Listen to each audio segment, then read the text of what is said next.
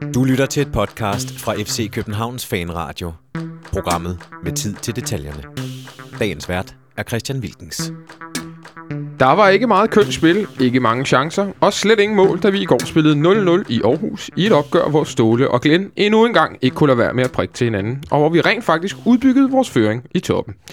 Det og meget mere, det skal vi tale om her i den næste time af FC Københavns Fanradio. Velkommen til.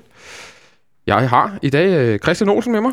Ja, tak. Til, til tak. højre for mig i dag. Det er rigtigt, ja. Du plejer at sidde, øh, du plejer at sidde over for mig, men i dag har du rykket til højre. Det, det er meget dejligt. Så har Jonathan Folkvart, der normalt optræder i teknikken. Du er også kommet ind i dag. Goddag, Hej. goddag. Hej, hej, hej. Og så øh, Henrik Monsen, simpelthen. Ja. Også lige hoppet ind for højre. Det er øh, I er blevet overtaget af teknikken. Simpelthen, det er teknikken, der har, der har hoppet ind i dag. Og det er jo dejligt, at I er udstyret med, med, med, med sådan nogle fine, fine radiostemmer, på trods af, at I normalt sidder ude i teknikken. Og Olsen, din, din mikrofon, du lyder fuldstændig, som du plejer. Det er godt, at du ikke selv kan høre det, men det, det, det kan vi andre. Du går igennem, bare roligt. Vi har ikke, vi, vi har ikke, vi har ikke screenet derud. Nå, De her, vi skal jo... Øh, Jeg kan bare ikke høre noget selv. jamen, det, det, Eller ikke andre. Jamen, de andre kan, de andre kan høre dig. I dag, der skal vi jo primært tale om øh, AGF-kampen i går, som jo ikke var det mest øh, opløftende opgør i verden. Det blev jo også lidt øh, udfordret af, af, af, hvad der skete efter 10 minutter, da Sanka røg ud.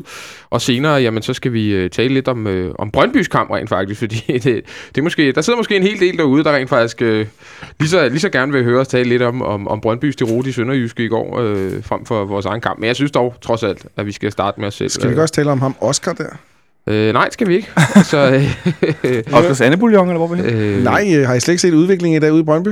Nej, hvad er der, hvad er der sket? I går aftes, der begyndte en, øh, en, en, en, en Oscar at skrive på Brøndbys øh, hjemmeside, at han var Jan Bæk, eller undskyld, på supportforum, han var Jan- Jan Bæk Andersen. Og de kunne da bare troppe op dem, der havde lyst kl. 14.00 og møde ham Og drikke kaffe. og drikke kaffe. Og øhm, det var der så en, der gjorde. Og det var så Jan Bæk Andersen, der siddet og skrevet øh, om aftenen på deres fan. Hvorfor hedder han Oscar på deres fanforum? Øh, der går lidt teori om, det måske er hans søn og sådan nogle ting, derfor han skriver både med, han skriver med engelske bog, eller hvad hedder det, ikke med E, Ø, O og sådan nogle bogstaver okay. der. Og han er jo, han har jo, han er jo oprindeligt Bosiddende i- ja. i. London. Men hvad, er det ikke noget mere, at man så kan gå tilbage og se, hvad man tidligere har skrevet på sådan en debatforum så? Jo, og der havde han vist, vist skrevet, Pro- profilen. ja, profilen havde vi skrevet mindre flatterende ord omkring nogle tidligere ansatte i klubben, så Okay, blandt andet hvem? Per Rud. Okay. Okay. Øh, og Thomas Frank, hvis også. Så, øh, Ja. der Det er, da, det er lidt utjekket, hvis... Er det ikke bestyr, hvad er bestyrelsesformand? Er det, han er? Jo, han er vel... Han, han, altså, nu siger jeg sådan lidt... Rigmand. han er vel ejer af klubben. ja. Sugar Daddy. Sugar Daddy. Det, det ser vel ikke så godt ud, hvis, altså, hvis, hvis man kan grave lidt i, i hans uh, internethistorie, og på den måde finde nogle, nogle ting, som, uh, som en bestyrelsesformand måske ikke skal sige. Altså, man kan... Man kan Det er der vist gode folk i gang med, tror jeg. Ja, men man, man, jeg tænker sådan lidt øh, som, som Ole. Altså, hans, øh, der var en, der fandt det, det, det der meget store interview, der på tidspunkt var med ham i Business, tror jeg det var. Ja. Øhm, og der øh, bliver hans søn jo også nævnt, og står som hedder, hedende Oscar. Okay. Så jeg tænker lidt, at vi måske er ude i en sammenblanding af noget, hvem har en profil, og hvem skriver fra den, ikke? Okay. Okay. Øh, ikke at jeg skal sidde og tage nogen i forsvar, vi ved det jo sådan set ikke, men jeg gætter på, at måske det er Juniors profil, som farmand har lånt, ikke? Okay. okay. Det kan være, at Junior tidligere har, har skrevet, at han ikke synes, der er nogen, der er så gode. Okay. Øh, men det er da ret interessant, at... Øh, Og sjovt. Ja, og sjovt, det svarede til, hvis... Øh, jeg ved, at. Dan, ja, der hører sig, men Dan Hammer i gamle dage var meget aktiv på, på fanklubbens øh, forum sidelinjen, øh, men, altså, men også som medlem af fanklubben, så det var sådan Okay. helt cool, at han var altså, diskuteret fodbold. Ikke? Ja. Men det her, det er da lidt noget andet end en bestyrelsesformand, øh, som øh, sidder og begynder at skrive på, på, Sugar på fanklubben. Kan man, Super kan, kan man øh, binde det lidt sammen med det, som der var også var i går med Nicky Bille og, og Esbjergs udtalelser omkring en, en, en Nicky Billes afgang i, øh, i klubben? Hvordan det, tænker du? Ja, altså, at, at, at hvis det kommer frem, at, at, øh, at der er der er udtalelser, som er negative om tidligere ansatte og nuværende træner i, øh, på et debatforum, så er det vel lidt samme niveau, det her. Det, det er i hvert fald højst usædvanligt, kan man sige. Ikke? Ej, det er ikke noget, der foregår hver weekend. Det, det, det svarer til, Don Høgh i gamle dage så skrev øh, på nettet om, øh, at nu gør det så på Facebook, men øh, om, om øh, den, en tidligere træner, der har været i klubben. Det er da helt uhørt. Det, jeg kender til Flemming Østergaard, Don Ø, så er jeg heller ikke i tvivl om, han også har haft en profil inde på, på FCK's forum med sidelinjen der, hvor han har læst med og kigget med og skrevet med, måske, måske ikke skrevet med, men i hvert fald de andre ting, det er jeg helt Der, sikker der er jo på. det med Don Ø, og det er ret tydeligt at se, hvis det er ham, der er forfatteren bag et, et, et indlæg, fordi han har, jo en, han har jo en måde ligesom at skrive på, hvis man følger ham på Facebook. Det er jo med, det er jo med 16 udråbstegn og, og tit Versaler. versaler, ikke? Det er jo Ja, sådan, Han, øh, han, han name-dropper ret meget. Jamen, det er jo sådan noget, jeg Hasse møder en ordblind, ikke? Altså, det er sådan det, det er et eller andet i, i, den, øh, i den retning. Nå, de her, vi lukker Jan Bæk øh, Andersen og hans, hans øh, internetliv øh, ned for, for den, den omgang. Og så ser vi, om der dukker noget op. Det er Olsen, den, den opgave får du. Det, det, det kan du holde øje Ja, til på det har vi, har vi gode folk til. Det har vi gode folk til. Vi skal tale lidt om øh, AGF-kampen. Det blev 0-0, som jeg sagde i indledningen. Der var ikke mange chancer. Øh, der var heller ikke så meget godt spil, men, men der var egentlig sådan øh, relativt meget dramatik. Det var en, øh, i hvert fald i første halvleg, synes jeg, decideret hårdt spillet kamp. Øh, Sanka bliver smidt ud. Og det er vel egentlig fair nok, øh, Jonathan, at han bliver smidt ud for det røde kort efter 10 minutter. Ah, det må man sige. Det var et øh, meget, meget klart rødt kort. Han manglede næsten kun lige at klappe ham lidt på kinden, så øh, kunne det ikke have været mere tydeligt. Ej, det var et kæmpe rødt kort. Han mm. lægger ham jo ned, hvor han er på vej igennem efter sådan en kikset situation. Han prøver at hætte bolden lige hen over hovedet på ham, og er næsten også ved at, øh, hvad det vil sige, nikke ham en skal, ikke? Mm. Øh, Daniel Christensen. Og så det der klumperi, og sådan noget, selvfølgelig rødt kort. Der rykker godt, det tror jeg, der egentlig er, er enighed rundt omkring om bordet. Vi havde lige siddet Olsen i, øh, ja faktisk øh, det sidste stykke tid og, og rost Sanka. Vi roste ham rigtig meget sidste gang, da vi sendte, fordi vi synes, han har gjort det godt, og, og de her børnefejl måske lidt var på vej væk, og så, så sker det her. Men er det her, er det her en typisk Sanka-fejl? Øh, ja og nej, det er sådan en uopmærksomhedsfejl, men det er også en af konsekvenserne af, at man står ved en, øh, ved en høj bagkæde, så, så bliver der nogle gange spillet i, ned bag en, og så kommer han til at se rigtig klods ud i den her situation, så Men var det ukoncentreret, eller er det sådan noget, der sker? Det er svært at sige. Jeg, det, sådan nogle ting sker, men sådan nogle ting kan også skyldes, u, u- at man er ukoncentreret. Men øh, er det nu, jeg skal give min takling? Ja, det kan du godt. Fordi så vil Det jeg er godt... ikke det her program, godt Nå, nok, er, det, det er det forkert program? Okay. Men så vil jeg godt give min takling til, til Viasat for at bruge fem minutter af deres Mm. dyrbare sendtid på at snakke om en, en situation, som vi alle sammen var... Der var jo ikke noget kontroversielt i Der det. var ikke noget kontroversielt. Det var, fuldstændig ligegyldigt. Det er irrelevant. Man kan sige, det har en betydning for kampen. Vis den en gang videre. Mm. Altså, ikke engang Sanka gad jo at gøre en historik ud Så af skal jeg jo spørge som en, der var i Aarhus i går, og ikke har set øh, onsite. De havde simpelthen fem minutters øh, snak om det her røde kort bagefter, eller hvordan? Ja, nu tog jeg ikke tid på det, men det, Nej, men men det omkring. Ja, jamen, der var meget fokus på det. Ja. Hele Smidstrup prøvede desperat at få en eller anden til at sige, Og at vi der starter, kort. vi starter med at kigge på det kontroversielle røde kort, eller hvad det var, Ja. hun sagde. Og det er jo ikke kontroversielt på nej, nogen det var da klokkeklart. måde. Det er fuldstændig kluntet. klokkeklart. Altså, Ja, der, er, der er ikke ja. så meget at diskutere. Han, det ser ud som om, han undervurderer situationen lidt, ikke? Jo, jo. Øh, der, der, er ikke nogen, der er ikke nogen... Han bliver overrasket over, som man selv udtaler efter kampen. Han regner med, at, at den bløde bane stopper bolden lidt, laver et andet opspring. Han brugte et eller andet engelsk udtryk. Ja, og så, så bliver han overrasket over, hvor den, hvor den hopper hen af, og så, mm. ja, så kluntede han vælter ham. Ikke? Altså, jeg synes ikke, der, han, som han også selv siger, han lukker den meget hurtigt ned og siger, ja, der er klart, straf, eller klart rødt kort. Mm. Der er ikke så meget at diskutere. Lad os bare komme videre. Mm. Altså, Præcis. Ja, ja. Så kan du få mit skulderklap senere. Ja, okay, ja, og så sender vi dig til fodbold uh, FAB. Du er sikkert blevet uh, hijacket af den. Det skulle ikke Nej, Du, ikke. du er efterhånden blevet... Uh, altså, der, der, inde på vores Twitter-profil, der er jo en, der har lavet sådan et udkast til en t-shirt, hvor der står No Olsen, No Party på. What? Det ved jeg ikke, om du har set. Nej, Max. Jeg skal, lige, jeg skal lige sige til lytterne, at Christian Olsen, han rødmer nu som en Ja, ja, det tomat gør af, af, af benovelse. ja, Stolt, stolthed og benovelse. Kan man få den i XXL? ja, det, det må vi se, om Der vi kan... følger en cykel med. Ja, og en cykel med også. Forhåbentlig. Men øh, de her, det var jo ikke... Øh, det var jo egentlig ikke en kamp, hvor vi var spillet ned, på trods af, at vi spiller øh, 10 mand i, i næsten øh, 80 minutter, i hvert fald også med, med overtid, der både var på, på første og anden halvleg, så kom det vel op på, på næsten, øh, næsten 80 minutter. Vi var vel det bedste hold langt hen ad vejen ind, eller hvad? Jeg, jeg, synes klart, vi var det, det bedste hold. Og det, jeg øh, fattede mindst af efter kampen, det er, det er øh, hvad hedder det, øh, Glens udtalelse, hvor han siger, vi var ikke klar til at spille 10 mod 11. De havde simpelthen ikke trænet på det. Vi har ikke trænet på det. Okay. Vi skal lige prøve basic, hvad fodbold går ud på. Det er at spille 11 mod 11, siger han. Vi hvis vi har spillet 11 mod 11, så havde vi måske vundet den her kamp. Nej, det tror jeg ikke. Mm. Helt ærligt, det havde du ikke. Mm. Øhm, jeg forstår slet ikke den der udtalelse, han kom med. Vi havde var ikke klar til at spille Han siger 10. faktisk i pausen, og der, der, jeg, jeg sad derhjemme og, øh, og rystede på hovedet af det, fordi det, det er så glinagtigt at sige. Han siger, øh, han får spørgsmålet af Joachim Bolsen, at de ikke havde været særlig gode i første halvleg. På trods af, at de var øh, 11 mod 10, hvor Glenn så siger, at vi er ikke nået dertil i vores proces som hold. Og det er simpelthen sådan en gang bullshit. Altså, det er mundlort af den værste skuffe at stille sig op og sige sådan noget. For det giver jo ingen mening. Det giver jo ingen mening, at de som proces, eh, så- som hold ikke er nået til at spille 11 mod 10. Altså, hvad er Jamen, det for hvornår noget? når de så til processen at spille 11 mod 11? Så? Ja, men det er jo, det er jo, det, det, er det, det er jo tomme ord. Det giver jo ingen mening. Det er sådan en øh, Troels Bæk-klassiker, ikke? Det er en proces. Jamen, jeg, jeg synes, øh, den der er mere men glemt. det- jo, jo. Det, der, det er, det er jo igen det, er det der management speak, når han bare begynder på... Men jeg, jeg tænker sådan lidt også, da jeg sad på vej med bussen i går og læste den der 11 mod 10 øh, smør, han lige havde af til Jyllandsposten, øh, at vi er lidt ude i sådan noget med, du har lige haft en vinterpause, du har haft en lang opstart. Det er jo ikke fordi, han har overtaget dem i efterårsferien eller sådan noget midt i en sæson, og, og hvad sker der, og hvad for nogle spillere er der et eller andet. Nej, nej, du har haft masser af tid til at træne 10 mod 11, du har kunnet træne 7 mod 5, jeg er fuldstændig Men det er jo ikke engang det der, det er bare det der med at gå ud og sige, at de ikke er nået der til som proces. Så går du ud og sige, at vi var ikke særlig gode, og vi skal gøre det her, det her bedre, vi skal spille mere direkte, eller sige et eller andet konkret.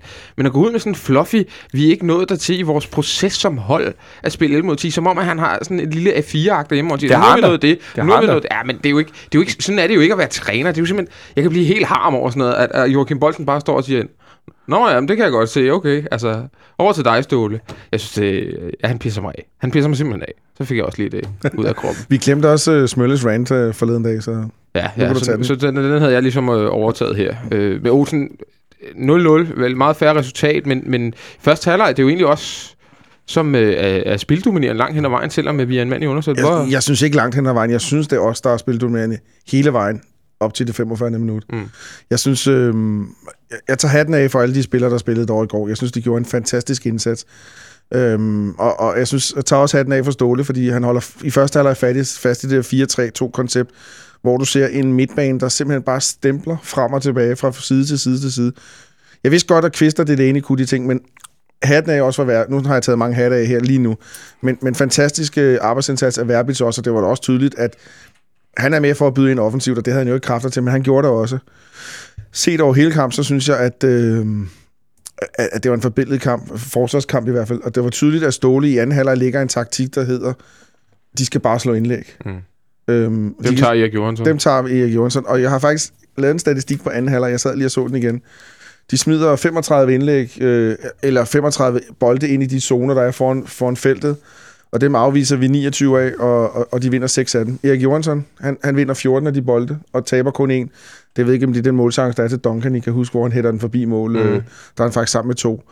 Øhm, ham det er Erik Johansson. Han er god. I går, øh, han, havde, Meget- han havde udfald øh, eller to mod Midtjylland, men i går så man bare, øh, han, han, han er bare et monster, ham der. det der, det var Superliga-spil af højeste klasse. Jeg var meget imponeret i den måde, han fysisk afviste det hele. I det hele taget var jeg meget imponeret af den der, sådan, øh, og vi har også snakket om det før, øh, den der ting, man skal have op igennem midten. Som, hvis den sidder i skabet, så kan du godt have lidt udfald ude på kanterne, men Robin Olsen udstråler bare en vis sikkerhed. Ja. Øh, Johansson udstråler bare en, øh, øh, en ro, en kompetence, det hele. Og så Delaney, jeg, jeg, ved, jeg ved ikke, hvad jeg skal sige om den mand mere, fordi det er som om, jeg synes, han var fantastisk i Midtjylland, og i går synes jeg, han var endnu bedre. Det er helt sindssygt så meget, den mand arbejder, det er helt sindssygt så meget, han bringer. Det er noget af det bedste, jeg har set fra hans side nogensinde. Ja, men nu siger du, det er noget af det bedste, du har set fra hans side, men altså, jeg, jeg er efterhånden der, hvor vi siger, hvor, hvor, hvor højt op er han på øh, listen over øh, central midtbanespillere i FC Københavns historie? Altså, et- hvis vi taler topniveau. Det, han løber rundt og præsterer i øjeblikket, og jeg synes, jeg egentlig har gjort i et, et halvt års tid nu. Hvor højt op vil du øh, rangere ham? Top 5, top 3. Øh, og han er op med de bedste. Han er op med, med, med en, han er op med en Tobias Linderoth, han er op med en Peter Nielsen. Han er op med en Atiba Hodgson i Glimt. Christian Poulsen? Christian Poulsen også. Øh, den første udgave, mm. skal det lige sige. Ja, sådan nogle ting der. Den første udgave af William Kvist. Den første udgave af William Kvist. Jeg det synes, han er over. Jeg synes sgu nærmest, han er over Kvist. Det, er for- det er fordi, Det han var er- mere sådan en løs top 5, ikke? Ja, Ja. præcis. Det, det er det, men det er 06 til fordi, 10. han... er- Altså, det vi var bange for, det var, at vi var bange for, om han havde tempo nok i sig selv, og vi var bange for, at han kunne lægge de lange afleveringer og sådan nogle ting der. Alt det andet har vi godt vidst, han kunne. Mm. Oh, men det, det kan han jo godt. Men øh, altså Delaney i går, vi stod øh, over på, øh, på stadion og snakkede om, at netop, øh, nu nævnte jeg William Kvist i den første udgave før, det mindede om, den, om forårssæsonen 10-11, hvor Kvist han spillede den centrale midtbane sammen med Claudemir. Og den måde Kvist spillede på, der kunne man se, at han var for god til Superligaen. Der var overskud i alle de fysiske øh, elementer, og han sådan skubbede bolden rundt, og han havde hele tiden at tage dybe løb og lavet vilde indlæg, og pludselig at få fløjen. Og, og det er lidt det samme, jeg så Delaney gøre i går. Det er det der med, at den måde, han takler på og presser på og sådan løber på, det er hele tiden let. Han er hele tiden oppe på tæerne, han, han ser aldrig træt ud, og han, de, de, de sidder i skabet, han taber nogle få dueller i går, men det er bare sådan det der overskud, hvor man godt kan se, okay, du har faktisk niveau til at spille, mm. altså klart, et, et sted, der er bedre end Superligaen, ikke? Mm. Monson, øh, det er jo en fast tradition, når vi taler om højre bakken herinde nærmest, fordi det, er den, øh, den, det har måske været lidt vores akillesæl i den her sæson. I går spillede mm. Peter Ankersen, han har nu spillet alle tre. Han er vel førstevalget ubestridt på den højre bak nu, i Ståles verden. Altså, Det, det tror jeg også. Øh, det tror jeg ikke, vi kommer udenom, øh, selvom Remer jo stadigvæk øh, har fået spilletid i både i øh, Midtjylland og, i, og herinde mod Esbjerg. mm. Øh, Men så har det været som højre midt, han tit så har det været som højre midt. Og, og det, det, det er sjovt, nu, sad jeg lige og, og lavede nogle små notitser i går, og vi, vi kan ikke... Øh, vi kan ikke stille spørgsmålstegn ved den måde, som, som Ståle vælger at gøre i går, at tage kusk ud, da, da Sanka får rødt kort. øh, det synes jeg er fair nok. Øh, men spørgsmålet er, i forhold til, hvad, hvad AGF de kom med, så om man så med fordel kunne have taget øh, eventuelt Ankersen ud, og spillet med tre mand nede bagved, og så fortsat med en firemands øh, midtbane i stedet for, og så fået offensivt mere. For jeg synes helt ærligt, ikke at AGF kom med noget, på trods af, at de var, de var en mand i overtal. Så. Ja, han fik jo meget ros for den udskiftning, faktisk. Ja, det ved ja, du så ikke, øh, Jonas, for du har siddet i, i en bus på vej hjem fra, øh, fra, fra, fra Aarhus der, men, men i efterfølgende i nedtakten, der spørger de faktisk også Glenn, om han var overrasket over, om at, øh, at Ståle ikke havde hed en angriber ud. Og det siger han faktisk, at ja, det var, han, det var han egentlig overrasket over, men det var godt set, siger han også. Han siger jo også, Glenn, i forhold til Erik Johansson, at han var overrasket over, hvor, hvor god han var. Altså, det, det, jeg tror ikke, øh, at Glenn helt var klar over... Øh, jo, han kender sikkert godt Erik Johansson, men, men jeg tror ikke, han var klar over, hvor god han egentlig var. Det sagde han jo selv. Men, men, men Jonathan, blev du overrasket, da du står derude, og du kan se, der bliver gjort klar til udskiftning, og vi skal selvfølgelig have en ny mand ind efter Sankes udvisning, at det så er ikke er en angriber, der ryger ud? Øh, nej, det kan jeg ærligt sige, for jeg stod sammen med en god ven her i programmet, Christian Hertz, Ja. og øh, vi var ret hurtigt enige om, jeg troede faktisk, det var øh, Verbis, der ville blive skiftet ud, og så Ja. stod han og sagde Kusk lidt, og så stod vi og diskuterede lidt frem og tilbage, og så endte det så med at være Kusk, der blev skiftet ud. Øh, for vi, som du selv Vils, øh, skrev på, på Twitter, i forhold til, at vi skulle have spillere, der kunne afvise altså dødbolde Mm. øh, nede i vores egen ende. Ikke? Så selvfølgelig lod man Santander være inde også. Vi skulle have nogen, der kunne have et hjørnspark væk, fordi når du bliver en mand i undertal, så kommer der så oftest mange indlæg og dødbolde mod en selv. Ikke? Så det var også vores gæt, at det ville være Verbit eller Kusk. Og så tænkte jeg noget med Kusk og noget med dødbolde og bum bum et eller andet. Ikke? Og så var det så øh, Kusk, der blev røg ud i stedet for. Ståle rammer vel den kamp lige i røven i går, i forhold til hans udskiftninger, i forhold til hans måde at sætte øh, holdet op på? Ja, fra, fra minut 15 og frem. Ja. Det kan man sige fuldstændig. Jeg er fuldstændig enig med det, han, med, med det, han gjorde i går. Og, og øhm, man kan sige, havde vi taget Peter Ankersen ud, øh, det var tydeligt, at AGF ville angribe den højre side hele tiden, for de var stort set aldrig over i venstre siden. Og jeg synes faktisk, Peter Ankersen spiller en, en, en ganske go- god kamp, i hvert fald defensivt. Han får, får lukket rimelig meget af. De kommer ikke, bagom, de kommer ikke rigtig bagom ham. De får smidt en masse indlæg derfra, men mange af dem er sådan, er sådan for 20 meter og fra midterlinjen og sådan nogle ting. Så han gør egentlig sit arbejde ganske godt. Øh, så ros til det, det, vil- det vil jeg sige. Men, øh, og det er selvfølgelig også, altså de, de vil godt have den derovre, de vil godt smide den ind derfra. Jeg tror, vi var fuldstændig ligeglade med, hvor de smed den ind. Bare de smed den ind, så mm. vi lukkede midten. Ikke noget småspil ind omkring midten, men en masse indlæg. Det skal de to store centerforsvar, Delaney, Robin Olsen nok tage sig af, og det gjorde de også. Altså, jeg indrømmer gerne, jeg har jo nogle gange været lidt, øh, lidt uimponeret af Peter Ankersen. Jeg synes faktisk, han, er, jeg synes, han spiller en rigtig god kamp i går. Jeg synes, han slår øh, i, i første halvleg har han to-tre rigtig, rigtig Som der skal indlæg, scores på. som, som der i øvrigt også øh, måske skal scores på. Og, og som Olsen siger, så synes jeg, han, han lukker godt ned. Øh, de indlæg der, jamen det var jo gerne øh, Cornelius, der kom, kom på dem. Det jo faktisk nogle store chancer, han har i første halvleg, Jonathan. Hvordan, hvordan så I dem op for, for, for svinget deroppe på, på Aarhus Stadion? Jamen, de var jo nede i vores ende. Ja, det var det. Så specielt den ene, hvor øh, Ankersen får lavet den berømte banan, mm. øh, som jo er sådan en sukkerball, som lignede øh, Ludvig fra den anden side, eller Postbæk i Ja, gamle det var dage. nemlig eller sådan rigtig skarpt slået. Hvor øh, corner kommer ind stigende over en eller anden med altså fuld øh, gadang, ikke? og Mhm. får den så hættet desværre ud mod det modsatte hjørneflag, ikke? sådan til venstre. Han får ikke hovedet helt ordentligt på den. Og der stod vi også og snakkede lidt om, okay, der, der var Ankersen sådan, som han skal være. Ikke? Så kommer der tryk i begge sider, men faktisk øh, tænker jeg bare, nu Rosen snakker om, at han lukkede godt af, at man ser jo altid anderledes på stadionerne, når man ser kampe i tv, Mm. i forhold til fokus på bolden, og hvordan spillerne agerer efter situationer. Og det, jeg så i går, Peter Ankersen, for første gang, mens han har spillet FC København, det var, at han lignede en, der troede på sig selv. Mm. Han lignede en, der troede på, når han var en mod en. Han troede på sin takling, og han troede på at presse alene.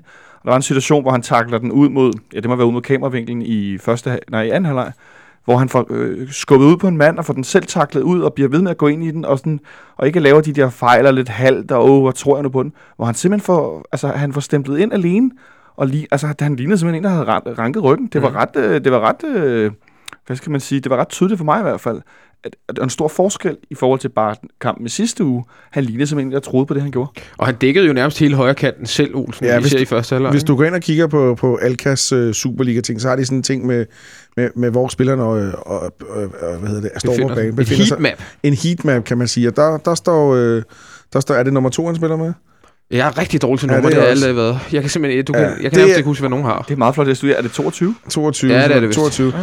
Der kan man se, at øh, hø- højre bakken står, øh, på FCK's hold står meget alene i sin højre side. Øhm, den, den, er så, den er så centreret omkring nogle af de sidste bemærkninger, så- eller de sidste placeringer på banen, så det kan godt være, den ændrer sig. Men jeg observerede, eller lagde meget mærke til, at han var meget alene derovre. Og der er heller ikke nogen tvivl om, at hvis AGF har haft sådan en X-faktor-spiller i år, så er det, eller i denne sæson, så er det været ham der Kavlic. Mm. Han startede så ud og kommer ind i halvlejen og bliver straks smidt ind på ham Mm. med, med Daniel Christensen, som også er lidt af en... Øh, det lyder dumt, men han er også en x-faktor til den, fordi han, han har Han en god en fod. ganske god pasningsfod, det er rigtigt. Ja. Og de, de bliver centreret derovre, og de fleste ting kommer også derfra. Men igen, det, det er fint nok. Jeg tror, taktikken har været, slå bare de indlæg, det skal mm. vi nok klare. Altså, jeg, jeg sad jo og så den her kamp derhjemme. Jeg skulle egentlig have været i Aarhus, blev forhindret i det, og, og sad og så den på, på sofaen. Øhm, og da kampen slutter, skriver jeg også på min Twitter, at på en eller anden sær måde, så synes jeg faktisk, det var måske den mest øh, opløftende præstation, nærmest, vi har haft i det her øh, forår, fordi jeg synes bare, at, at, tingene var imod os, at vi øh, spiller 80 minutter en mand i undertal. Jeg synes, vi er det bedste hold. Så længe kræfterne er der, synes jeg også, vi er det mest farlige hold. Øh, og så synes jeg bare, at vi ser bundhammerne solid ud. Jeg ved godt, at de næsten har en friløber øh, på en fejl, og så øh, Antonsen laver en eller anden form for svensk stammedans nede i centerforsvaret. Men, men, men det er jo også kun det, at de rigtig bliver farlige, det er, når vi laver øh, en, en personlig fejl i Men grundlæggende, så ser vi bare pisse svært ud at score på, gør vi ikke, Jonathan? Vi lukker ikke mange mål, nej. Det var også derfor, vi spillede det her berømte cifretips i fanklubbussen på vej derover, og sad og snakkede om det der med, altså hvis man skal gætte, så kan det måske 1-3 eller 1-2 eller 0-2, men, mm. men AGF skulle score et eller måske to mål med os, det kunne jeg simpelthen ikke se ske, fordi hvordan skulle vi lukke målen? Det, ja. være, altså, det er helt tydeligt, at vi ligesom i efteråret har lidt svært ved at skabe chancer, og vi har svært ved at score mål. Det tog lang tid i efteråret, det tog nogle måneder, og så begyndte det langsomt at komme. Da Kusk også blev mere sikker i sit spil, og det hele ligesom sad lidt mere offensivt også. Men at lukke målen det her forår, ikke? Altså, jeg, jeg kom sådan til at tænke på, da vi spillede Derby ude i Brøndby efteråret, hvor Santander blev udvist. Der kan jeg så ikke huske, hvor lang tid vi spillede med en undertal. Der, der, der spillede vi 31 minutter, men kampen var vist, øh, var vist øh, lidt, øh, blev vist forlænget. Med, ja, det er rigtigt. Der var et uheld af en eller anden slags. Jeg er ikke klar over, jeg kan ikke huske det. Jeg kan bare huske... Øh, det er rigtigt. Det var næsten 35-36 minutter eller sådan noget. Noget af den stil. Det, vi, har, ja. vi har slået det faktisk op. Jeg mener faktisk, vi har spillet 175 minutter med, med, øh, med, kan man sige, 10 mand, for vi spillede med 9 mand mod FC Nordsjælland øh, til sidst. Mm. Det er rigtigt. Men 175 minutter. Øh, og det har jo kostet os nogle point. Ja, men det, det har det jo. Vi har slået FC Nordsjælland, øh, er ikke i tvivl om i den første kamp, ja. øh, og vi er også sikre på, at vi har vundet 11 mod 11 i går. Ja, men det var mere, jeg, jeg tænkte mere på den der netop, at, at de andre gange, hvor vi har været en mand i undertal, det er så, okay, det var så ikke Derby på udbanen, nu er det mod AGF i går, de ligger nummer ikke så højt i tabellen, de ligger nummer 9, men det var mere den der følelse af netop, hold op, hvor så vi stærke ud, mand. Vi, var, mm. vi kunne ikke se, at vi var i undertal. Nej. Jo, de har frisparket efter Sankas røde kort. De har friløberen Robin Olsen derude i. De har Michael Andersen i anden halvleg, der lige cykler lidt rundt. Og de, altså, han har stivere ben mig, det er meget imponerende. Ja. Og fordi ikke af, altså, det der halve afslutning, ikke? men altså, de spiller sig jo ikke frem til chancer overhovedet. Og vi er en mand i undertal så lang tid, at vi ser, altså, det, det er helt vildt. Ja. Øh, Olsen er inde på, Monson, at, øh, at vi har fået tre røde kort i år. Øh, det, er jo, det er jo sådan relativt øh, meget, og vi er jo ikke særlig langt i sæsonen. Vi er jo lige over halvvejs. Ja. Øh, vi har tidligere talt om det. Er det et eller andet... Er der noget mentalt? Altså, vi har jo et ungt hold, og unge spillere måske mere, øh, har mere en tendens til at lave, at tage på hovedet, kan man sige. De spillere, der har fået rødt kort, er vel 25-24, og Daniel Amatea, han var 20, ikke? Kan, kan, man, kan, man, øh, kan man læse noget ud af det? Det synes jeg ikke, man kan. Altså, ja, de røde kort, vi har fået, har jo ikke... Altså, jeg synes, der er andre, der skulle have haft røde kort, som, mod os for eksempel, mm. øh, som, som ikke har fået det, mm. hvor det har været svinestreget. Jeg synes ikke, det har været svinestreget, dem vi har lavet. Øh, ja, Marte taber hovedet. Ja, Marte taber en albu tilbage. Ja. Det, så skal man også diskutere, om, om Corner ikke skal have et rødt ja. kort i går på den, han, øh, han laver. Øhm, det skulle han ikke. Nej. Santander er decideret dumt. Ja. Det er vi enige om, og det er kluntet af, af hvad hedder det, af Sanka i går. Øhm, så jeg ved sgu ikke. Nej, jeg, kan, jeg, synes ikke, du, jeg synes ikke, du kan sætte dig ned og sige, at vi har en tendens til at få røde kort, fordi mm. vi har fået tre i den her sæson, synes jeg. Skal vi ikke glemme Verbit, vel? Ja. I Europa League. Det er faktisk rigtigt, vi har fået fire øh, med ham. Ja. Og ja. det, det er jo også nogle spillere, der tager til Så, så jeg, jeg vil faktisk godt være lidt i opposition. Nu bliver det rigtig god radio. Ja, og så sige, at øh, jeg synes faktisk, det er lidt en tendens. Og det var også det, vi øh, havde lidt tidligere med sådan øh, spillere under 25, de fleste af dem, u- ikke så rutineret, og nogle gange løber temperamentet lidt af, og så øh, kommer man ind i nogle situationer, der ikke er så gode. Sidste sæson var, ja. var det Sanka og Nikolaj, som skulle have haft rødt i Randers, og, og brændte i stedet for. Ikke? ja, ja, og så også, jeg tænker også lidt længere tilbage. Der har været nogle, nogle år i træk, også med, med Ragnar Sigurdsson herinde, og mm. Altså sådan noget, hvor man... Sanka mod Hobro. Sanka mod Hobro. Claudia mod øh, Midtjylland. Midtjylland og, og Cornelius mod Midtjylland også. Men det er en del over alligevel, hvor ja. at de der spillere, som ikke er, hvad skal vi sige, øh, hvornår man er ung, 27 plus, eller sådan noget et eller andet, ikke? Ja, så er man ikke ung. 40 så er de, plus, så er man ung. jeg mener sådan rent, jeg tænker rent fodboldspillermæssigt, ja. at, at de sådan yngre spillere, at, at der har, jeg synes, der har været en tendens ja. til sådan noget, øh, det, det, løber lidt af, ikke? Mm. Men, ikke, er, ikke, ikke det røde kort i går var i den kategori, men jeg synes bare, det er tidligere noget, vi har set. Ja. Sådan lidt, ah, at, men det er ikke bare, i stedet for at man siger, det er manglende rutine, som gør, at de kommer i de der situationer, hvor de så eventuelt kommer ned til, øh, bliver nødt til at trække et rødt kort, eller et, et dumt gul andet kort, ikke? Jo. Altså, Sankas karantæne betyder jo, at han er ude i, i to kampe går ud fra. Det, er vel, det bliver vel kun til to kampe karantæne. Det betyder, at han misser OB hjemme. Øh, det er jo ikke den heldigste mand, der skulle mangle i en kamp, hvor vi skal møde det bedste offensivhold i Superligaen. Og så mangler han også, når vi skal en tur til kunstgræsset op i, øh, i Farum og spille mod FC Nordsjælland. Øh, så får han pokalen i stedet for? Så får han, så får han pokalen mod Randers. Den der, hvis vi lige starter til sidst kan man, med, med Nordsjælland-kampen, så Michael Antonsen stive ben på det kunstgræs øh, deroppe, det, det, kan, det er jo ikke det bedste match, Jonas. Du sidder nærmest og laver ansigter allerede. Ej, det er, ikke, det er sgu ikke så godt. Altså, men igen, man kan også sige, at det gode ved, at Anton skulle ind i går, i stedet for Sanka, øh, eller ikke i stedet for, at han kom ind, det var jo, at vi stod lavt, fordi var mand i undertal. Mm. Så han blev aldrig presset i, i bagrummet? Mm-hmm. øh, med nogle afleveringer hen over hovedet eller noget. Og det var, var der sådan set ret Men kan, fordelagtigt, kan du lige se ham med Mamora løbe direkte ned mod øh, Michael Antonsson på en kunststofbane? Men jeg, jeg håber da, at vi, når han så gør det, og Anton måske ikke kan følge med, Så kommer at, Delaney. øh, så kommer Delaney ind for, for venstre eller højre, Ja. eller også så øh, ender vi i en situation, hvor at det sker, når vi er foran med et par mål forhåbentlig. Men, men Olsen, er det ikke lidt sådan her, at den her karantæne, den, er- den er jo selvfølgelig pisseirriterende, og øh, det, det, det er også ærgerligt, at vores nye centerforsvar ikke kan, kan sp- spille sammen i to kampe nu her. Men, men man har en eller anden øh, indre ro, som man måske ikke havde for et par uger siden. Altså, vi har en, en, en cushion at give lidt af, ikke? Helt sikkert. Øh, Jeg sad i går med sådan en følelse af, at det, det, det udtryk, jeg så, det her hold kunne stille fysisk, defensivt, organisatorisk. Øh, der sad jeg og tænkte, øh, hvis du skal slå det hold, så skal du lave to mål. Ja. Øhm, fordi vi kommer ofte til at lave mål, tror jeg. Øh, og det bliver svært at lave mål mod det her hold. Så hvis du laver et mål, så, skal, så, så kan den godt ende uafgjort og sådan nogle ting der. Men vi har bare, med, hvad hedder det, øh, Jonas har også siddet og sagt det før, vi har bare en, en samhørighed, vi har bare et hold, der står fast, det, det er fysisk stærkt, farligt på dødebolde, det, det er bare svært at spille rundt om, du. Det, mm. det er rigtig svært at komme igennem. Så du skal lave to mål for at slå os. Og nu håber jeg ikke, at jeg jinxer, men det, det er sådan, jeg tror, det er. Mm. Og nu ved jeg, at Jonathan tror ikke på jinx. Men må jeg ikke indskyde en ting, fordi jeg kom øh, sådan til at tænke i forhold til, nu tog han Ståle Kusk ud i går, da Sanka blev udvist, men Ja. også i forhold til, jeg var da ikke den eneste, der havde gættet på, at der ville være to-tre udskiftninger. Startede man i går, vel? Altså jeg tænker, jeg troede, at der ville være. Ja, det er- Remmer, Remmer ville komme ind. Det har og- også selv lagt op til, ikke? Ja, præcis. Men så skete der det, at vi pludselig var tilbage til 10-11-stilen, da Ståle var bedst herinde sidst, hvor, man, hvor vi altid vidste, hvem der startede inden. Hvis der var en, der havde karantæne, vidste vi, hvem erstatningen var. Hvis der var en, der var skadet, vidste vi, hvem der spillede i stedet for. Vi vidste nærmest altid, hvem der blev skiftet ud mm. fra hvem. Og så i går igen, samme startelver. Kun lige corner for Nikolaj, der lige skulle spares lidt, og han har fået nogle geler i anden halvleg i de sidste to kampe. For lige starter ude, vi starter med to store, så kan vi mose AGF's forsvar. Fysisk må man jo også sige, at vi, vi står i distancen. Vi spiller i går øh, lang tid i undertal. Vi er jo ikke... Jo, de sidste 10, 10 minutter, synes jeg, vi ser rigtig Der hænger vi lidt i ud. bremsen. Men det er jo et hold, der lige har spillet en svær kamp i, i Herning. Det er stort set de samme spillere, der er på banen. Altså, det er vel også ros til vores øh, fysiske afdeling, Olsen, at spillerne, de er bare, hvor de skal være. Ja, jeg er enig. Det kan det kun være. Øh, og, og nu har vi syv dage til næste kamp, så det er jo ganske fint. Nu kan de få, nu kan de få trænet de detaljer, der skal trænes. Ankersen eller Snorre Antonsen kan blive kørt rigtig ind og sådan nogle ting der. Det, det, det ser fint ud. Og fysisk perfekt. Altså, det er jo et helt vildt fysisk udtryk, vi har i det hold. Og det vi bare... Duncan er jo ikke dårlig med hovedet. Det vi bare siger, I kan bare komme an. Altså, smid de der bolde ind, lad os se, hvad I har. Og vi afviser stort set alt. Det er jo fantastisk. Det er dejligt. Det kan godt være, at vi har meget i at have på i dag, vil jeg godt lige sige. Jonathan, du var jo som sagt en tur i Aarhus i går, øh, og der var jo den her, øh, vi havde gjort lidt, lidt reklame for det, uden at rigtig at sige, hvad det var. Vi havde jo en lille fuld synge om det, den her march, der var med spillerne det sidste stykke op af, hvad er det, Marcelsborg-skoven, op til stadion. Øh, og hvad, kan du ikke lige hurtigt køre os igennem, hvad, hvad foregik der egentlig? Hvordan skete det her? Jo, men altså, øh, der var, som du selv nævnte i fredags, var der en del øh, folk, der var blevet i Aarhus efter Midtjylland-kampen, var taget ned og havde overnattet nogle forskellige steder rundt omkring byen, og havde været i svømmehallen blandt andet, og de havde lavet nogle øh, lidt spøjse ting.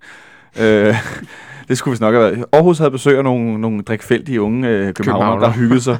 De havde, de havde nok, så vidt jeg kunne høre rundt omkring, jeg snakkede lidt med forskellige folk, havde de haft det meget sjovt. Okay.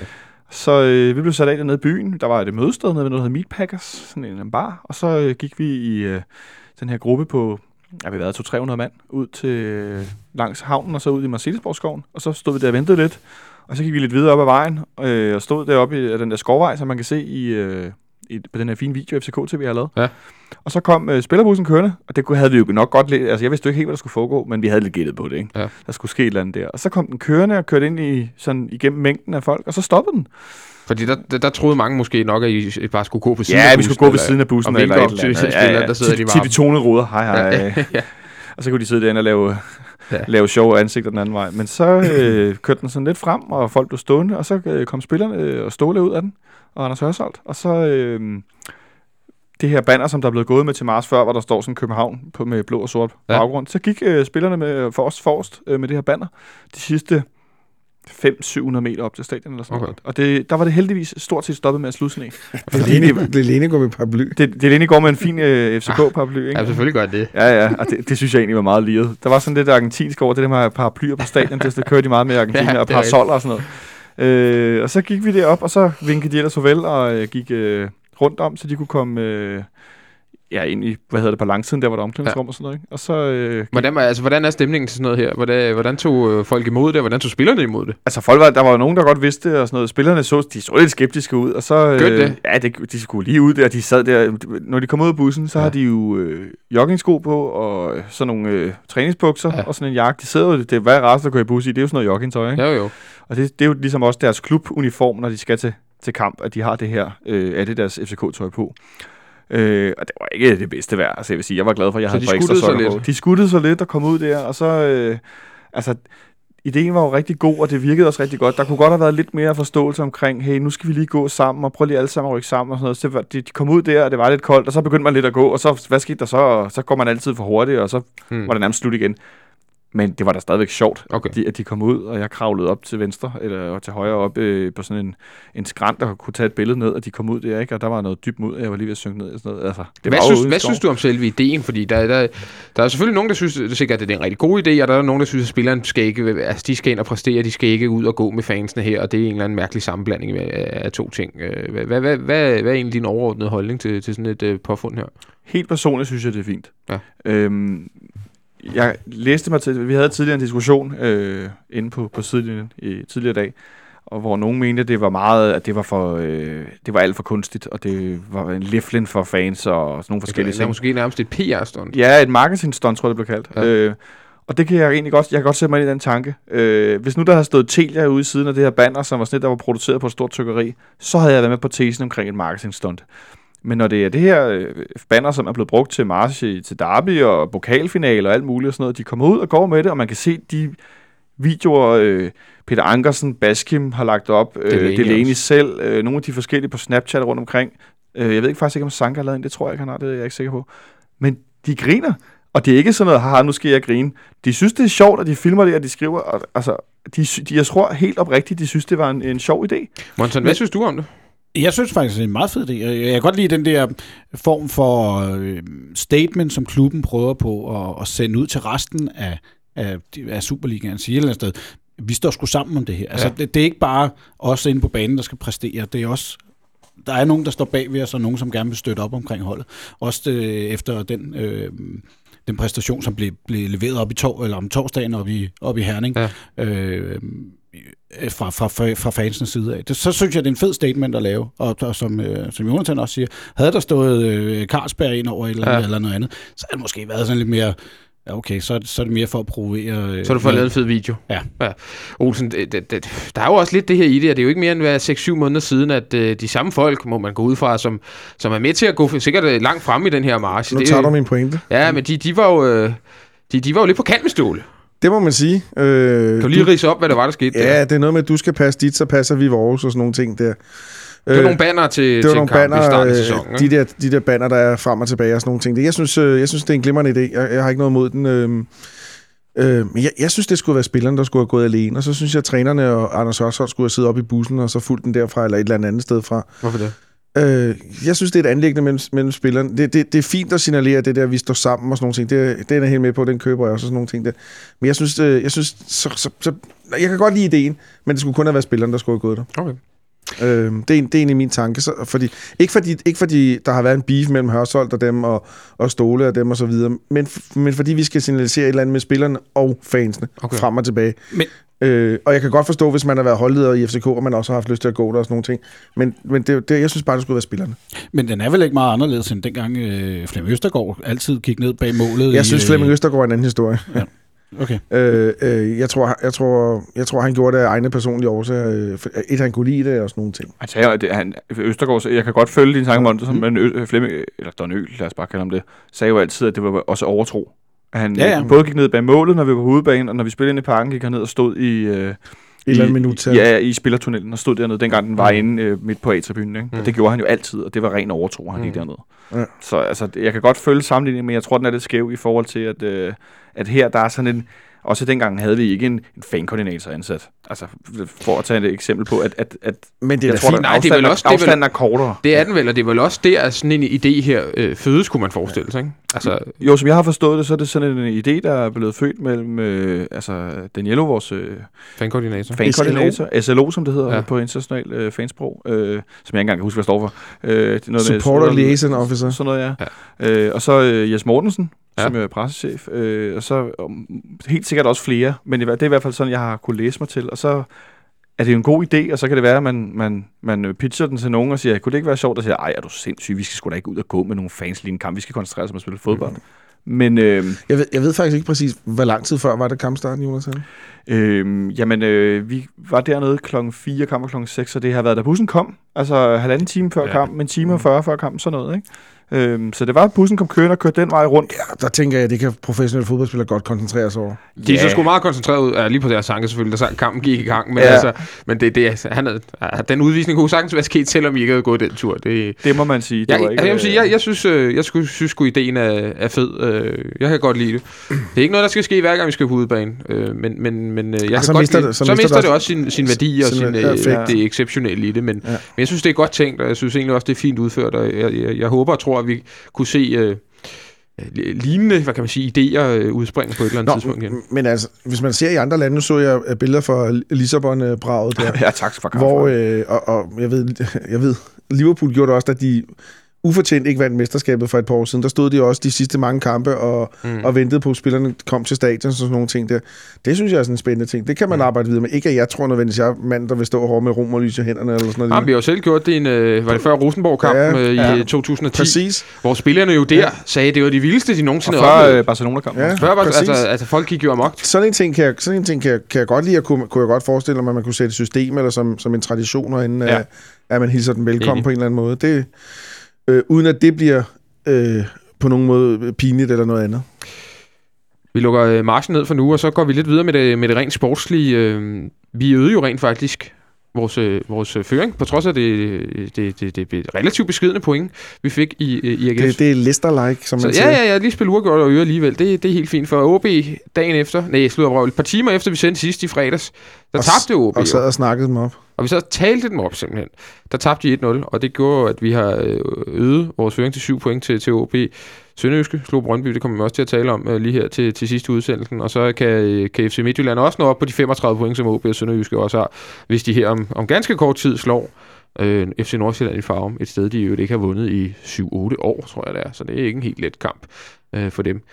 Men det, øh, det ser sgu da egentlig meget godt ud, Jonathan Folk, ikke? Altså, der er meget kan egentlig blive sat på plads om en uge. Det ser rigtig, rigtig godt ud. Og nu, Ja, øh, nu, nu snakkede Olsen om Jinx før, det som han selv rigtig sagde, det tror jeg jo ikke på. Fordi hvis Jinx passede, så kunne jeg sige, vi har vundet, og så havde jeg indflydelse på verdens Ja. øh, rummet, var jeg lige ved at sige. Og det har du ikke. Ej, det har jeg heldigvis ikke, hverken for mig eller jer andre. Ja. Men øh, det ser rigtig godt ud. Der var ikke nogen af os, der troede, at øh, OB kunne vinde i Aalborg lige nu. Nej. Øh, men OB, man skal, sige, man skal lige huske på, de skabte også et hav af chancer. De kunne simpelthen ikke putte den ind. Okay. Øhm, men det var, da, det var da en gave. Mm. Det var en kæmpe stor gave. Lad os se, om Nordsjælland kan blive ved med at, at drille Midtjylland her om, om nogle timer. Men altså, Og hvis, lad, os sige, øh, lad os sige, Midtjylland vinder den her, øh, og, og, og vi har tre hold på 35 point. Hvem er det så? Vi sad jo nærmest og begravet øh, Midtjylland for, for, for nogle dage siden her. Hvem er det så, som øh, er vores største konkurrent? Olsen? Jeg synes stadigvæk, det er OB. Jeg er enig med Jonathan, at de, de havde, de, jeg synes ikke, de havde et hav. Jeg synes, de havde nogle chancer. Jeg synes ikke, keeperen var ude i de store redninger eller sådan noget. Til gengæld synes jeg også, at OB havde rigtig mange opløb til chancer i den anden Okay. ende. Øh, ej, det, var- det var tydeligt, at OB ikke var, var samspillet det var offensivt. måske OB, der var, der var mindst skarpe. De, der ja. Ja. var mange, hvor den lige manglede den sidste aflevering. Hvordan spillede Rasmus Falk? Øh, øh, anonymt. Okay. Øh, Tyndt. Tyndt, det vil jeg, jeg er enig. Men øh, jeg synes stadigvæk, det er OB, der, der er vores største konkurrent. Og, og så kan vi, må vi lige se, hvilket udtryk øh, øh, Nordsjælland, eller Slå Midtjylland kommer med efter, kan man må sige, et par skuffelser her, her i streg. Men, men det du så også der siger, det er, hvis vi springer os 10 point foran vores direkte konkurrent på, på søndag, så ser det, altså så er de så stadig vores største konkurrent egentlig. Øh, OB, Ja. Jamen, det er jo svært at sige. Hvis, hvis Midtjylland vinder i dag, og også vinder næste uge, så er de jo vores stærkeste konkurrence. Det kan Okay. måske godt ligge og skifte. Jeg vil sige, at vi gør os selv en kæmpe tjeneste og slår det OB-hold i parken på søndag. Så ser det rigtig godt ud. Og vi- ja. Vi laver selvfølgelig stor optag til den fredag, men vi vil godt lige øh, så småt starte på det her, Olsen. Hvordan, hvor- hvordan ser jo mulighederne ud, synes du, mod OB? Det er jo en rigtig god, god offensiv, også på trods af, at de ikke scorede mod OB. De har Wirtz med igen, men til gengæld er der måske nogle muligheder øh, på den med, Jeg synes, på de, deres defensiv. Ja, så har de lidt problemer, i, øh, når de spiller i parken, øh, men, men sådan nogle ting skal desværre brydes, og nu skal jeg ikke lyde meget pessimistisk. Men, øh, men jeg synes, at de ser glimrende ud. Øh, jeg tror, det kommer, jeg tror, det bliver en, en, en voldsom slagudveksling. Øh, vi skal selvfølgelig sætte os på spillet, og, og, og specielt sætte os på dem fysisk. Og så, så kan det godt være, at det bliver, det bliver en, en, en lang trækker af en kamp, som bliver, hvor, det, hvor det tager os noget tid at bryde dem ned, eller... Øh, så, så det tror jeg, vi får, jeg tror, vi får sådan et kampbillede. Altså, jeg, jeg tror, begge hold scorer. Det var en meget åben kamp, sidst. Den bliver 4-2. Den kunne ja, nærmest have blevet øh, 6-3 eller et eller andet i den retning. Jeg tror, det bliver noget lignende øh, søndag. Det tror jeg ikke. Øh, som, øh, som du også er inde på, så, så er det sådan lidt, jeg tror også, det bliver en fysisk affære, og jeg glæder mig til at se Wirtz øh, versus Delaney fighten på, øh, på midtbanen. For De to tror, bedste centrale midtbanespillere i, i dansk I Superligaen lige i øjeblikket, ja. Så, øh, som jeg tror, at det er der, at øh, det skal vindes. Og der ligger vi måske med hvad jeg har set på Kvist i, øh, i det her opstart, øh, måske lige en, en tand højere end OB, og det, jeg tror helt seriøst, det er der, skal vinde. Men med Sanka ude, og en Spalvis, som vi ikke rigtig ved, hvor vi har hende af, øh, han ja. går lidt og, altså, og nu øh, skal vi heller ikke Så kommer psykoanalysen. Men han går lidt og, øh, og drømmer sig til varmere himmelstrøg allerede. Spalve, synes jeg lidt, han ligner sådan en type. Jeg synes, nu laver han fremragende mål i herning, men jeg synes godt nok, han har været temmelig usynlig ellers. Øh. Men er det ikke der, hvor han er bedst? Så lige pludselig så laver han det der med, at han kun kan score to i hver kamp, ikke? Jo, og så det... ser han usynlig ud, så lige pludselig dukker han op, bum. Ja. og så laver han mål, ikke? Jo. Men, men altså, nu, ud for hvad, hvad Olsen og og Monson siger, så jeg er ude sådan noget med, jeg, jeg kunne sagtens se, at der slet bliver scoret i første halvleg. Det er meget altså, taktisk og fysisk. Holdet øh, går hele tiden lukke, lukke, lukke, og ikke noget med at angribe så meget. Og så skal vi netop kunne stå distancen, og så den sidste halve time, altså mose og det er der, vi skal vinde over dem. Okay. Eventuelt også for bænken. Der er vi jo stærkere. Eventuelt også for bænken, ikke? Altså hvis den stadig står 0-0. Lad os sige, vi stiller i, ud over Antonsson i den normale start, det var med Nikolaj og Santander på toppen, så sætte corner ind, og altså flere bolde, og så mm. mose på, ikke? Meget mere optakt kommer vi til at lave til den på, øh, på fredag, hvor vi går igennem øh, nøgledueller og hvad vi ellers skal finde på til, til det store opgør søndag. Det bliver jo kæmpe, altså det bliver jo et kæmpe, kæmpe stort opgør søndag, der kan sætte rigtig, rigtig meget på plads. En ting, vi har lige et hængeparti sådan set for, for kampen i går, det er Ståle og, øh, og Glenn. Fordi de, øh, altså de, de, de prøver virkelig også via sat at få en, øh, en, øh, en, en duel op med den, men, men de gør heller ikke meget nogen af dem for at lukke den øh, duel ned. De kan sgu ikke lide hinanden, og de kan ikke øh, holde deres mund. Det er altså rimelig, rimelig tydeligt. I går, så øh, var det... Øh, Ståle synes, at øh, AGF's bænk brokkede sig rigtig, rigtig meget over de fysiske dueller, der var sagde i løbet af kampen. Han sagde, de, han sagde, at de skulle tørre øjnene. Og så blev det, det til, at det var FCK, der brokkede sig over... Og så på en eller anden måde, det her live-interview med, ja. med Glenn og Helle Smidstrup i onsite efter kampen, så, så blev det til, at FCK skulle tørre øjnene og, og, og tage duellerne. Og det var præcis det, som som øh, Ståle havde anklaget AGF for at skulle gøre. Øh, jeg, tror også, jeg tror måske, at der gik lidt...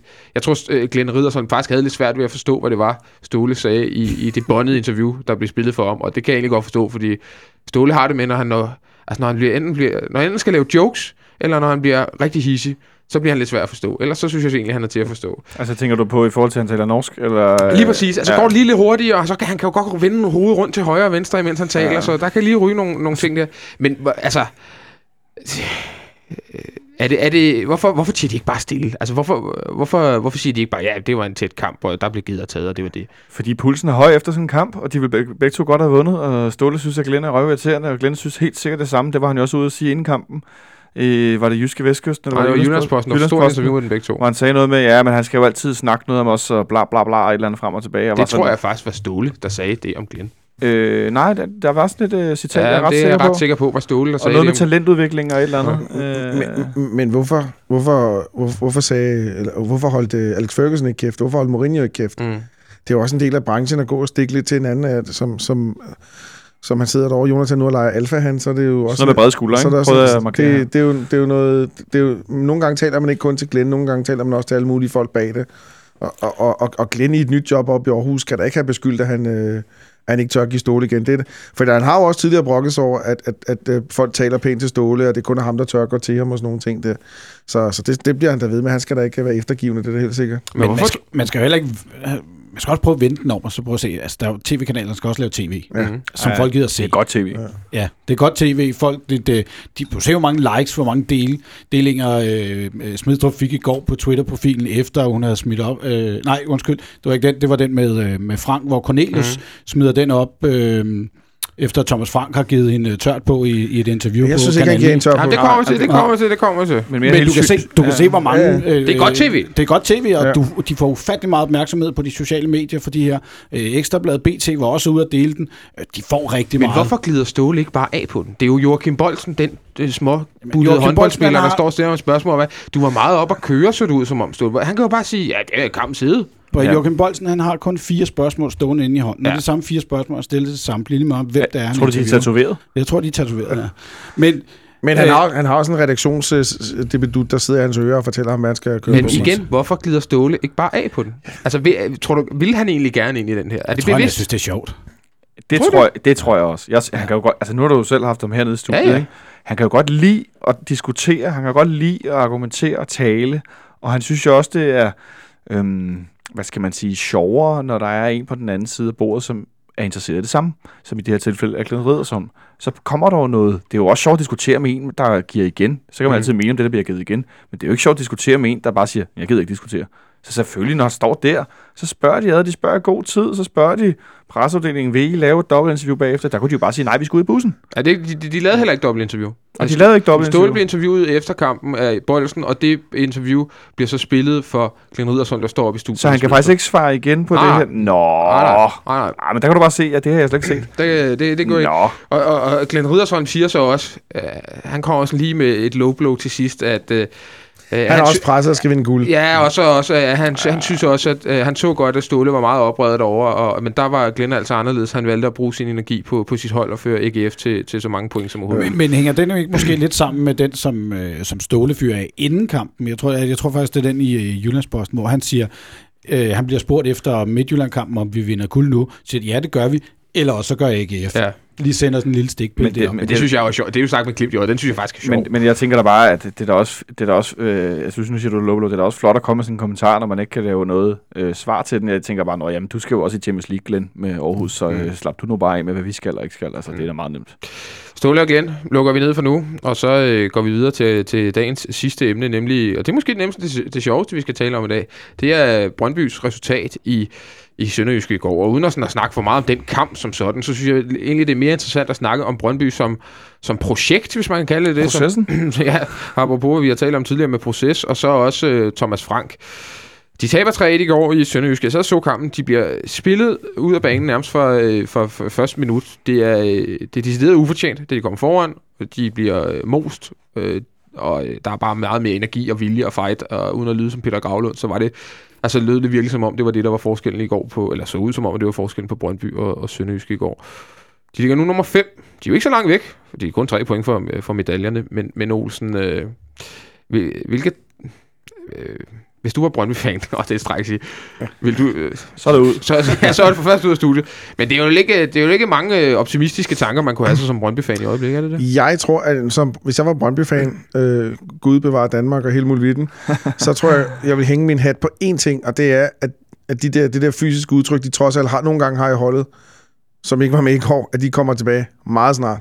Akker, Akker, Austin, Austin øh, Elmander. Albrechtsen. Øh, Albrechtsen, Thomas. Kalenberg. Ja. Jeg indrømmer, det er, jeg tror ikke, Elmander er en del af planerne, men de fire andre havde nok startet inden. Det er lige præcis den der stamme, som vi talte Præcis. om tidligere. Ja. Øhm, du kan simpelthen ikke stille op med et forsvar i Superligaen, der hedder øhm, Ørnskov og Jesper Juleskov. Så taber du. Mm. Øh, samtidig med, at du har en midtbane, der hedder Frederik Holst og øh, Christian Nørgaard. Tror jeg. De fire, det er deres centrale øh, akse i går. Der stiller vi med Erik Johansson, Antonsen, Delaney og, øh, Kvist. og Kvist. Der er forskel. Der er klasseforskel. Øh, Og fysisk forskel. og man ved, når man kommer til, til Sønderjyske, så spiller du på en, på, en, på en meget åben bane. Der er meget vind, der er meget blæst. Der er, vind og blæst, det er vist det samme. Mm-hmm. Der, der er lidt regn. Der er nogle sønderjyske spillere, som sidder i fjeset på dig hele tiden. Selvfølgelig skulle de tabe den kamp. Altså, de var slet ikke klar fra start. Det var, og, det, og det var en... Øh... Det er jo bare det Brøndby-hold. Øh, lad, lad mig lige tage fat i Thomas Frank. Han har været der tre og et halvt år nu. Øh, han blev ansat til, til at skulle tage sig ungdomsspillere og sådan nogle ting. Den plan blev lige hurtigt skudt i seng. Lad os kigge, lad os kigge på det, de ting, han er dygtig. Han skulle være en såkaldt talentudvikler. Hvem har han talentudviklet? Jeg kan pege på én spiller, som har udviklet sig positivt. i den Domisi. periode. Præcis. Mm. Øh, hvad, Ah, der var ikke flere. Piri måske, men, men, han, men han var der altså også før. Ja, du har ret. Du Men, ret. men, men måske Fortsæt. ham også. Så kan du sige, at Radecki har de solgt for, men, Mm. men, men jeg, jeg tror ikke, Thomas Franks hans kerneområde er målmandstræning. Men øh, det tror jeg, nogle andre om sig. Hvilke, hvilke spillestil har de? Det er svært at se, hvad de vil. Hvad vil de? Det tror jeg heller ikke selv, de vil. Øh, der er bare så mange punkter, hvor du bare kan sidde og sige, hvad er det den mand, hvad er det, han gør godt? Hvad, hvad er det, det hjælper? Så jeg håber, at de beholder ham rigtig Ja. længe. Ja, det er Ja, mit næste spørgsmål. Skal, ja. vi, skal vi som uh, FCK-fans være glade, jo længere tid Thomas Frank sidder i sædet som Brøndby-træner? Det tror jeg helt klart. Altså, øhm, fordi han kan ikke, som du også selv er inde på, han kan heller ikke selv finde ud af, om man skal han spille 3-4-3 eller skal han spille 4-4-2. Altså han skifter meget. Øh, både system, øh, han ved, har ikke rigtig nogen... Altså han har den der stamme, men det er bare en stamme af glasspillere, som man har, som mm. konstant er ude med skader. Jeg kan ikke se... Øh, altså jeg er glad for ham selv, så, så længe han er der, det vil jeg sige. Og lad os lige kigge på en anden ting også, som jeg synes, der er interessant. De spillere, de har købt. Øh, de har købt to i Norge, som er tilbage i Norge. Mm. Øh, Rashani og Semberge. Græsania Semberge. De har købt Tymu Pukki. Han bliver brugt på kanten. De har købt øh, Magnus Eriksson. Ham er jeg ikke imponeret af. Nej. De har købt Johan Larsen, startet ud som lyn og torden, men har har vist nu, at han har svaghed i, i defensiv. Det kan alle sammen se. Ikke? De har købt Martin Ørnskov. Øh, de bekendte, jeg kender, der holder med Brøndby. En spiller, de ikke er særlig tilfredse med, og han er nu spiller nu Han er blevet buet af i flere omgange. Han er ikke? blevet Ude på buet af. Brøndby Ej, det, det, det, gør de altså ikke. De buer ikke derude. Stadion. Ej, okay. Så, så samtidig har de også øh, deres, deres... øh, Det kan godt være, at vi har en dårlig track re- record og hentet dårlige spillere de sidste mange år, men, men Den er dog knækket, vil jeg Den- nok sige. den- den er dog knækket. kunne- Men samtidig med, så er de altså Tom, Thomas Frank jo også formået, at de, de havde Ronny Schwartz, som er, Også på som er, ja, som er blevet brugt på kanten, og som, som jo er en decideret øh, targetangriber, altså, og så bruger ham ude på kanten, han var, jo- fik jo intet ud af Nej. det, også derfor han havnede ude på bænken til Ja. sidst. Så det er jo ikke et spørgsmål om, at han ikke ved, hvilket system man skal spille, men han kan heller ikke finde ud af at bruge de ressourcer rigtigt, som han nu engang har til rådighed. Så det ender med at blive sådan noget med spillere, som ender op med at være snot forvirret over, hvad for en spilstil skal vi rent faktisk Men er det Thomas Franks skyld, alt det, der foregår ude på Brøndby? Fordi øh, det, det, det stikker vel dybere end bare ham, eller hvad, Jonathan? Og det, det er jo en sportslig ledelse, der, der søger. Altså, vi snakkede faktisk også om det i går, da vi stod ude foran stadion, og så kom meldingen om 0-2, og folk stod og grinede i slutningen og ventede på at blive visiteret 1-2, for at komme ind. 1-2 må det have Ja, været. 1-2, ja, selvfølgelig. Øh, at det var jo helt altså, ud af den blå luft, da de først kom foran, så tænkte vi, "Nå, øv, det skal vi ikke have nogen sjov ud af den her weekend. Øhm, men at de har jo ikke nogen langsigtede planer. Hvis de har den, så er det i hvert fald ikke en, vi bliver præsenteret for. De siger noget med noget guld senest i 17-18, eller hvad det er, de skal i Europa hvert år, ikke? Men det er jo ikke, fordi man ser, at den bliver fuldt op af stabil økonomi og øh, langsigtede kontrakter, femårskontrakter, ligesom vi laver herinde, og siger, at vi investerer i spillerne. Vi tror på, at det er nogen, vi kan have i lang tid, og hvis ikke vi har dem i lang tid, så bliver de solgt undervejs. Så laver vi avance på dem, fordi de bliver solgt for penge, fordi de er rigtig gode. Men det er sådan en ingenting, og, og, og som vi bliver ved med at nævne, de har ni øh, kontraktudløb til sommer, Mm. og mange af dem er altså de, igen den centrale akse. Men, det tror jeg faktisk godt kan at blive en fordel. Ja, så kan de starte forfra. Fordi så får de frigivet rigtig mange øh, penge på lønbudgettet, og så kan de starte forfra. Men som, så, så nu siger Så vi skal lige de igen, også ramme rigtigt. så starter vi forfra, Ja. og så skal de ramme Så er det rigtigt. en ny proces. Så er det en ny Og proces. igen, igen, hvor er planen så Men kan han købe sig lidt tid på det? Kan han købe sig lidt tid på det, Thomas Frank? Hvis han, hvis han overlever sommeren i år, så kan han så købe sig tid på at sige, jamen, der har været stor udskiftning i holdet i, i den her sommer, og det tager tid at spille ind. Altså, kan, tålmodigheden er så langt derude?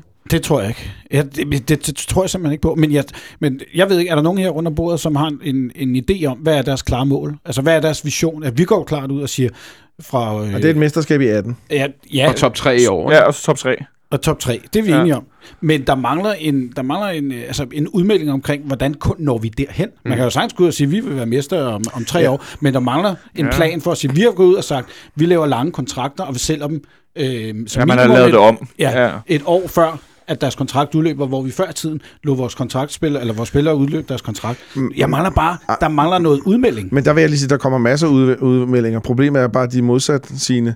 De er øst og vest. Den sidste udmelding, der kom, det var Troels Bæk i Ekstrabladet BT. Jeg kan ikke huske, Ja, hvad det er det her Ja, det Ja, at nu var det færdigt med at købe... Det var, jo, det var Ekstrabladet. Det var en, det var en, øh, en masse, masse bølle... Hvad hedder han? Øh, Glenn Velas. Velas? Mads Glenn øh, Bøflas der, der ja. lavede den der med, at øh, nu var det færdigt med at købe dyre spillere. Nu skulle der satses på, på billige dit, øh, dit og dat spillere, du ved, spillere i sidste år kontrakten, eller fra Kina, eller sådan noget lignende.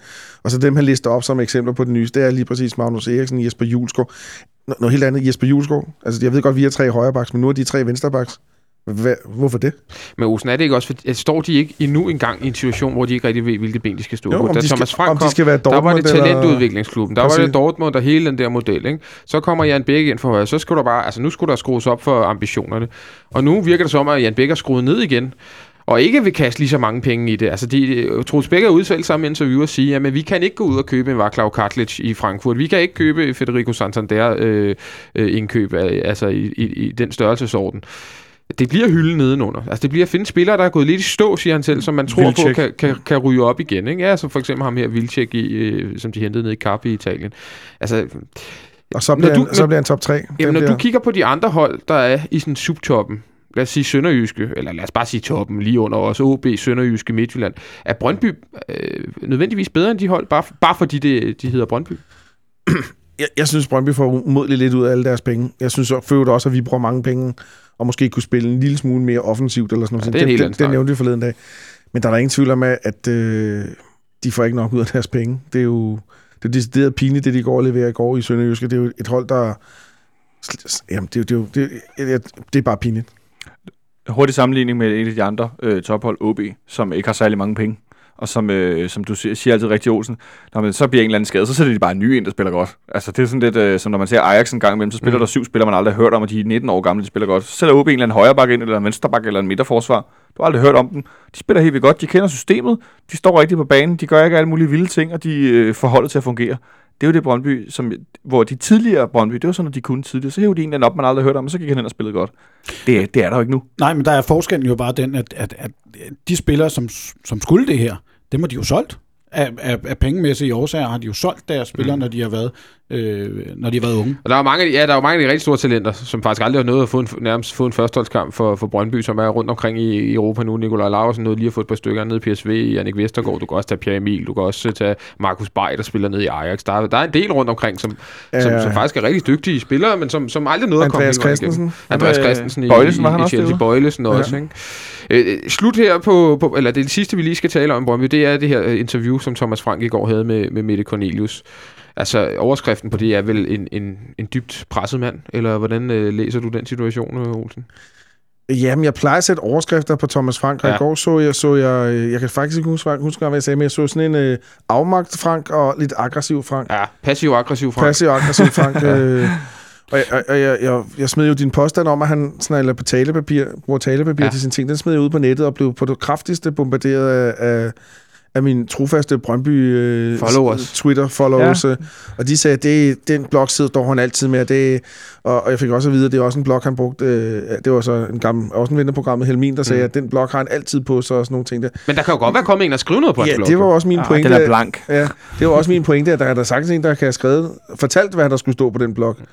Fordi vi har da oplevet, vi oplevede det også ved, ved, ved, ved jeg tror, det var en Midtjylland-Brøndby-kamp, hvor de, øh, Frank og to-tre spillere går ud og stiger, siger stort set det samme, Midtjylland, Danmarks bedste hold og sådan nogle ting der.